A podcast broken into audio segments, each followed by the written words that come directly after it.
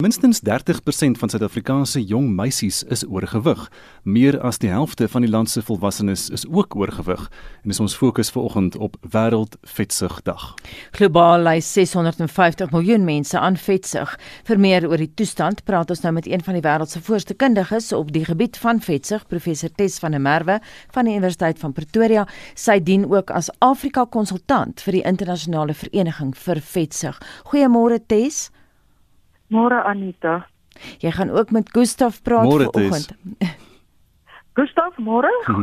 Lekker dag vir jou ook. Dankie. Tes, ons het nou 'n reaksie van ons luisteraars gehad, 'n negatiewe reaksie oor die feit dat ons die hele tyd verwys na 30% van Suid-Afrikaanse jong meisies wat oorgewig is, maar dis die enigste syfer wat ons van die Suid-Afrikaanse Hartstigting afgekry het. Hoeveel van ons seuns is oorgewig? 'n Mindere persentasie Anita. Uh dit wissel dit hang alles af of jy kyk na die landelike gebied en of jy kyk na die meer verstedelike gebied maar dit is om en by uh 12% uh dit kan in party streke so hoog so 16% wees maar dan is daar ook streke in die land waar dit so laag as 4% wees. So ek dink wanneer mense die 30% aanhaal vir die jong meisies is dit 'n geskatte oorsigtige uh uh syfer wat hulle aanhaal Dis wat is die definisie? Wanneer is 'n mens net oorgewig so bietjie en wanneer is jy nou vetsugtig? Jy moet maar weet hoe om jou liggaamsmassa indeks uit te werk. Uh daar is op die SASO webtuiste vir die mense wat nou verlore gaan raak, is daar 'n veld waar jy 'n uh, outomatiese uh, berekening kan doen, maar dit is jou gewig gedeel deur jou hoog in kwadraat. Nou as daai massa indeks tussen 25 en 30 is, is dit uh oorgewig. Ek moet natuurlik net onmiddellik sê dat al die Asiatiese groepe verwys na 'n baie laer BMI van van hulle in hulle kultuur is jy alreeds uh, oorgewig op 22 en vetsugtig in die Kaukasiër op 30 in die Asiatiese populasie is jy reeds uh vetsugtig op 'n massa indeks van 27. Dis vetsig het oor die afgelope 45 jaar toegeneem. Hoekom is so baie mense vandag wêreldwyd vetter as ooit tevore? Dit is kompleks en dit is 'n samewerking van baie verskillende faktore. Ons biologie het verander uh ons kronobiologie byvoorbeeld wat verwys na jou dag-nag regulasie het verander en dit het gekom met wisselende slaappatrone mense wat dikwels later in die nag werk uh kinders wat op hulle selfone besig is in die nag of rekenaarspeletjies speel. Dit het te doen met migrerende faktore met ander woorde mense wat oor kultuurgroepe heen skuif van een land na ander land Natuurlik is daar altyd die gewone sosio-ekonomiese faktore soos armoede, uh opvoeding wat ook 'n rol speel en dan natuurlik ja, daar is 'n groter beskikbaarheid van wat ons noem energie uh dens uh, uh energy dens uh kosse wêreldwyd. Uh maar ek dink dat die algemene denke uh in die wêreld vandag vir mense wat kenners is in hierdie veld is om nie meer die houding in te neem van eet meer eet minder oefen meer eet minder en dinge sal regkom nie. Dis nou die Suid-Afrikaanse Hartvereniging sê in 'n media verklaring dat die mediese wetenskap vetsug nou beskou as 'n mediese toestand wat boonop natuurlik kan lei tot diabetes, al die hartverwante probleme en so aan. Hoekom het die mediese voorsiening van vetsug so oor die dekades verander? Dit het eintlik al van 1996 af verander, eh, Gustaf, maar hmm. ek dink die manier waarop ons dit deesdae beskryf en ons sien dit in al die analises wat wêreldwyd in al die groot databases plaasvind, is dit is wat ons noem 'n kroniese terugkerende siekte. Uh met ander woorde, jy probeer vandag om gewig te verloor, jy gaan op 'n sekere uh eetpatroon uh of 'n dieet, uh jy verloor suksesvol gewig, miskien 10, miskien 15 kg, sodra jy daardie spesifieke dieet staak, uh kom al die gewig terug uh en met rente. En ons weet vandag baie meer oor die hypothalamus wat daai klein kliertjie is wat hier in jou kop sit wat jou liggaamsindeks beheer. En ons weet dat daar 'n geneigtheid is as jy op 'n massa-indeks 30 en bo was vir verskeie jare vir daai klier om amper autonoom te word en nie meer bestaan onder die beheer van die insette van sekere hormone en peptiedsyne in die liggaam wat sou gehelp het om jou liggaamsindeks te reguleer en hy word amper uh uh, uh patologies. So jy sal dikwels gehoor het dat mense vir jou sê profetes ek het daai 10 kg verloor, maar daar is nie 'n manier waarop ek dit kan volhou nie. En dit is omdat jou liggaamsmassa indeks altyd jou vorige hoogste gewig gaan verdedig. En dit maak nie of wat gister se gewig was, dit maak nie saak of dit uh uh môre se gewig was en of dit 'n jaar terug se gewig was nie. Jou liggaam sal altyd die geneigtheid hê om weer te wil terugkeer na daai vorige hoogste liggaamsmassa indeks en dit maak dit patologies. As jy pas by ons aangesluit het, ons praat ver oggend met professor Tess van der Merwe van die Universiteit van Pretoria. Sy dien as die Afrika konsultant vir die internasionale vereniging vir vetsig. Tess, mens hoor dit in die handel en wandel, maar ons het nou ver oggend 'n lekker SMS terugvoer daaroor gehad van ja, Hans Jonker en baie mense sê dit. Hy sê hy kan nie van sy maag ontslaa raak nie. Hy sê ek verloor oral gewig, maar al wat sit is die maag. Hy wil nêrens heen nie. Nou ander mense sê dit ook. Hoekom sukkel mense so om van maagvet ontslae te raak want dis juist die soort vet wat kan lei tot diabetes. Dit het baie te doen met die spesifieke funksie van daai vetsel in daai spesifieke streek van die liggaam. Ons praat in Engels van die lipolytic rate of die lipolytic index en dit het letterlik te doen met hoe sensitief daai sel is om te reageer op sekere stimulerende lokale hormone wat sal help om daai vetselle af te breek. En dit is heeltemal so en ek weet dat baie van die luisteraars is uiters gefrustreerd daaroor. Uh daar's ongelukkig nie 'n kits antwoord hier nie Anita as jy gewig verloor, sal jy wel gewig daar verloor, maar baie van die mense sal sê hulle ver, hulle verloor nie die totale hoeveelheid vet in 'n spesifieke streek nie. Daar is natuurlik ook genetiese patrone. Jy sal dikwels hoor dat 'n jong mens byvoorbeeld sal sê, "Maar my ma het altyd 'n groot maag gehad, uh, en ek lyk net soos my ma." En dit is so, so daai spoed waarteen daai vetsel funksioneer, is tot 'n groot mate ook geneties bepaal. So die metabolisme wat elke mens het is is maar anders, né? Dit is kompleks en ek dink ons moet verstaan dat wanneer ons verwys na die genetika van oorgewig, verwys ons na 'n poligeniese genetika en wêreldwyd sal 30% van alle mense 'n matige 'n vatbaarheid het vir hierdie poligeniese vatbaarheid ongeveer 60 tot 66% sal baie vat vatbaar wees. Ehm um, en dan het jy net omtrent so klein persentasie van 4% van mense wat werklik weerstandig is teen vetsig. En wanneer ek sê poligenies, moet die publiek verstaan, ek verwys na baie verskillende punte uh in jou gene wat klein afwykingkies kan hê.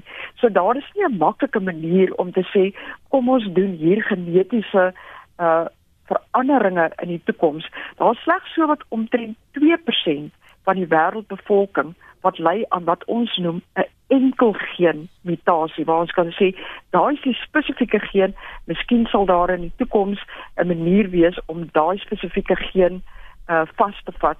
Maar vir die meerderheid van ons is dit poligenies. So ons sit met verskeie klein puntmutasies op baie verskillende gene en dit is hoekom daar variasie is in hoekom party mense minder geneties vatbaar is en ander baie meer. Nou Tess, hoe kan 'n samelewing in die geheel vetsig hokslaan? Ons weet nou reeds van die regulering van die kitskosbedryf en en die suikerbedryf. Wat kan gedoen word? Ek dink die eerste en die belangrikste is presies wat ons nou ver oggend doen. Ons moet praat daaroor. Die destigmatisering van uh obesiteit is baie hoog op die prioriteitslys van die wêreld uh vetsig vereniging. Ons moet ophou om na hierdie mense in sekere terme te verwys.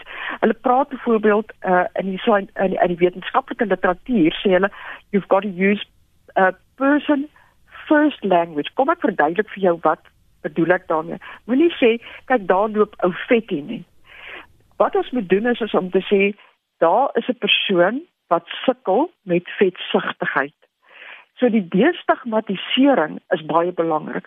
Hoe ons in ons tydskrifte mense voorstel wat oorgewig is, uh moet gedestigmatiseer word. Ons moet aanvaar hierdie is 'n siekteproses en ons moet dieselfde respek daarvoor toon as wat ons byvoorbeeld sou getoon het vir iemand wat ly aan 'n hoë bloeddruk of suikersiekte uh of asma ensovoorts. Ons sou nie daai mense gestigmatiseer op dieselfde manier nie. Dan het ons dringend wêreldwyd gespesialiseerde vetsigklinieke nodig uh waar mense wat werklik opgelei is daarin om te spesialiseer in hierdie spesifieke veld van uh medisyne. Wanneer wanneer hulle weet wanneer is dit net 'n uh, dieetprobleem? Wanneer is dit 'n ernstige genetiese probleem? Wanneer kan die persoon regkom met medikasie? Wanneer moet hulle oorgaan na bariatriese chirurgie? En en natuurlik die heel belangrikste van almal is daar moet baie meer opvoeding gedoen word van kindsbeen af. Moet mense uh hierdie vak letterlik gedoseer word om te verstaan waaroor dit gaan. Dit is nie iets wat 'n mens een oggend opstaan en begryp nie. Dit is waarskynlik die moeilikste veld uh van medisyne tog nou vir jou, ek wil tog nou vir jou vra, uh van die vetsig wat ons rondom ons sien, jy het nou gesê van dit is geneties van aard, nê? Maar mens wil tog sekerlik ook net die boodskap vir luisteraars gee dat hulle met handdoek ingooi as byvoorbeeld hulle ma en ouma vet maag gehad het, nou het hulle ook maar een want dis net maar die patroon van die familie nie. Wat ek eintlik vir jou wil vra, kan jy daai patroon verbreek deur korrekte eetgewoontes? Anita, jy kan dit tot 'n groot mate beheer. Inteendeel, my stelling vir die pasiënte is altyd as jy weet jy het hierdie genetika in jou familie, beteken dit jy as persoon moet eintlik twee keer of drie keer of selfs vier keer harder werk om jou omgewingsfaktore uh uh te beheer. So 'n mens kan nie daai houding inneem van ek gooi nou handdoek in nie want ons het 'n baie hoë geneigtheid onder vetsigtige mense om suikersiekte en hartvaskiektes en so meer te ontwikkel.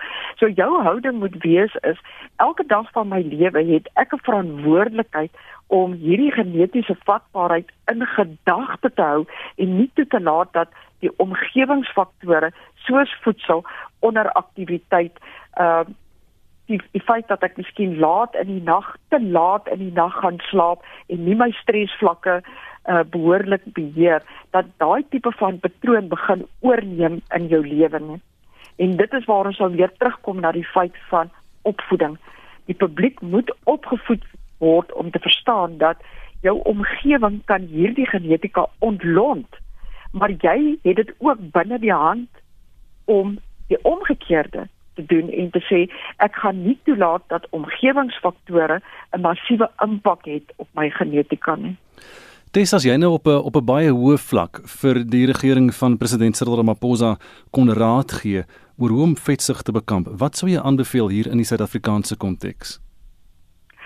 Ons moet baie meer gewaarwording doen onder die publiek. Ons moet massa gewaarwording doen. Daar's baie van ons kulturele groepe wat nog glad nie verstaan wat die impak van vetsig in hulle kulturele verband beteken nie. Dit is definitief van absolute noodsaaklike belang om 'n werk te begin doen onder die die die jong mense, die kinders, maar veral ook die swanger ma's, want 'n ma wat oorgewig is as sy swanger is, gaan 'n baie groot probleem hê nie net met haar swangerskap nie, maar dit gaan ook weer lei tot 'n oorgewig kind wat moontlik suikersiekte kan kry.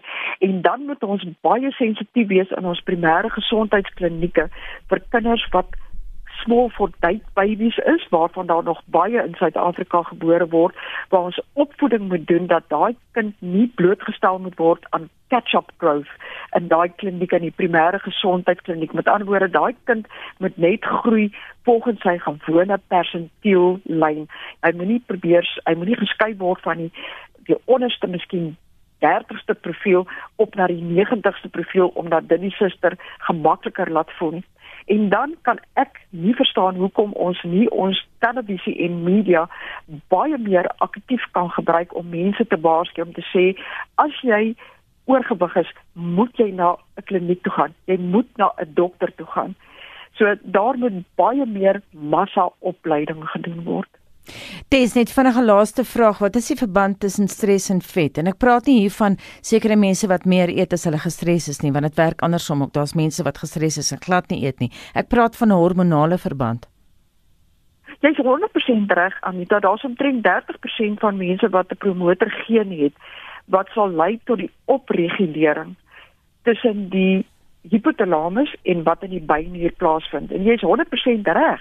'n Party mense sal daai geen aktiveer uh en en ander sal hy nie. So as jy een van daai mense is wat geneig is om te begin eet as jy gestres het en jy sal weet wie jy is, het jy dringend hulp nodig om uh uh te weet hoe om 'n ingryp in jou lewe in te bring om daai hedoniese eetpatroon te verander maar jy kan dalk ook een van daai mense wees wat totaal van kos afgaan as jy gestres is, maar die oomblik as daai stres uit jou lewe uitgaan, dan begin jy ooreet. Ons sien dit ook dikwels en dit is omdat baie mense 'n voorloper hormoon af afskei terwyl hulle gestres is wat hulle aptyt onderdruk, maar sodra daai voorloper hormoon weggeneem word, dan wil hulle die hele wêreld om hulle gaan opeet. So dit maak eintlik nie saak of jy iemand is wat ophou eet en of iemand is wat jy eet nie. Jy moet weet watter tipe persoon jy is en hoe jy daai stres gaan beheer. Baie dankie vir die saamgesels vanoggend hier op Monitor professor Tess van der Merwe van die Universiteit van Pretoria wat ook dien as Afrika konsultant vir die internasionale vereniging vir vetsug. En hierdie gesprek gaan later as 'n potgooi beskikbaar wees op rsg.co.za.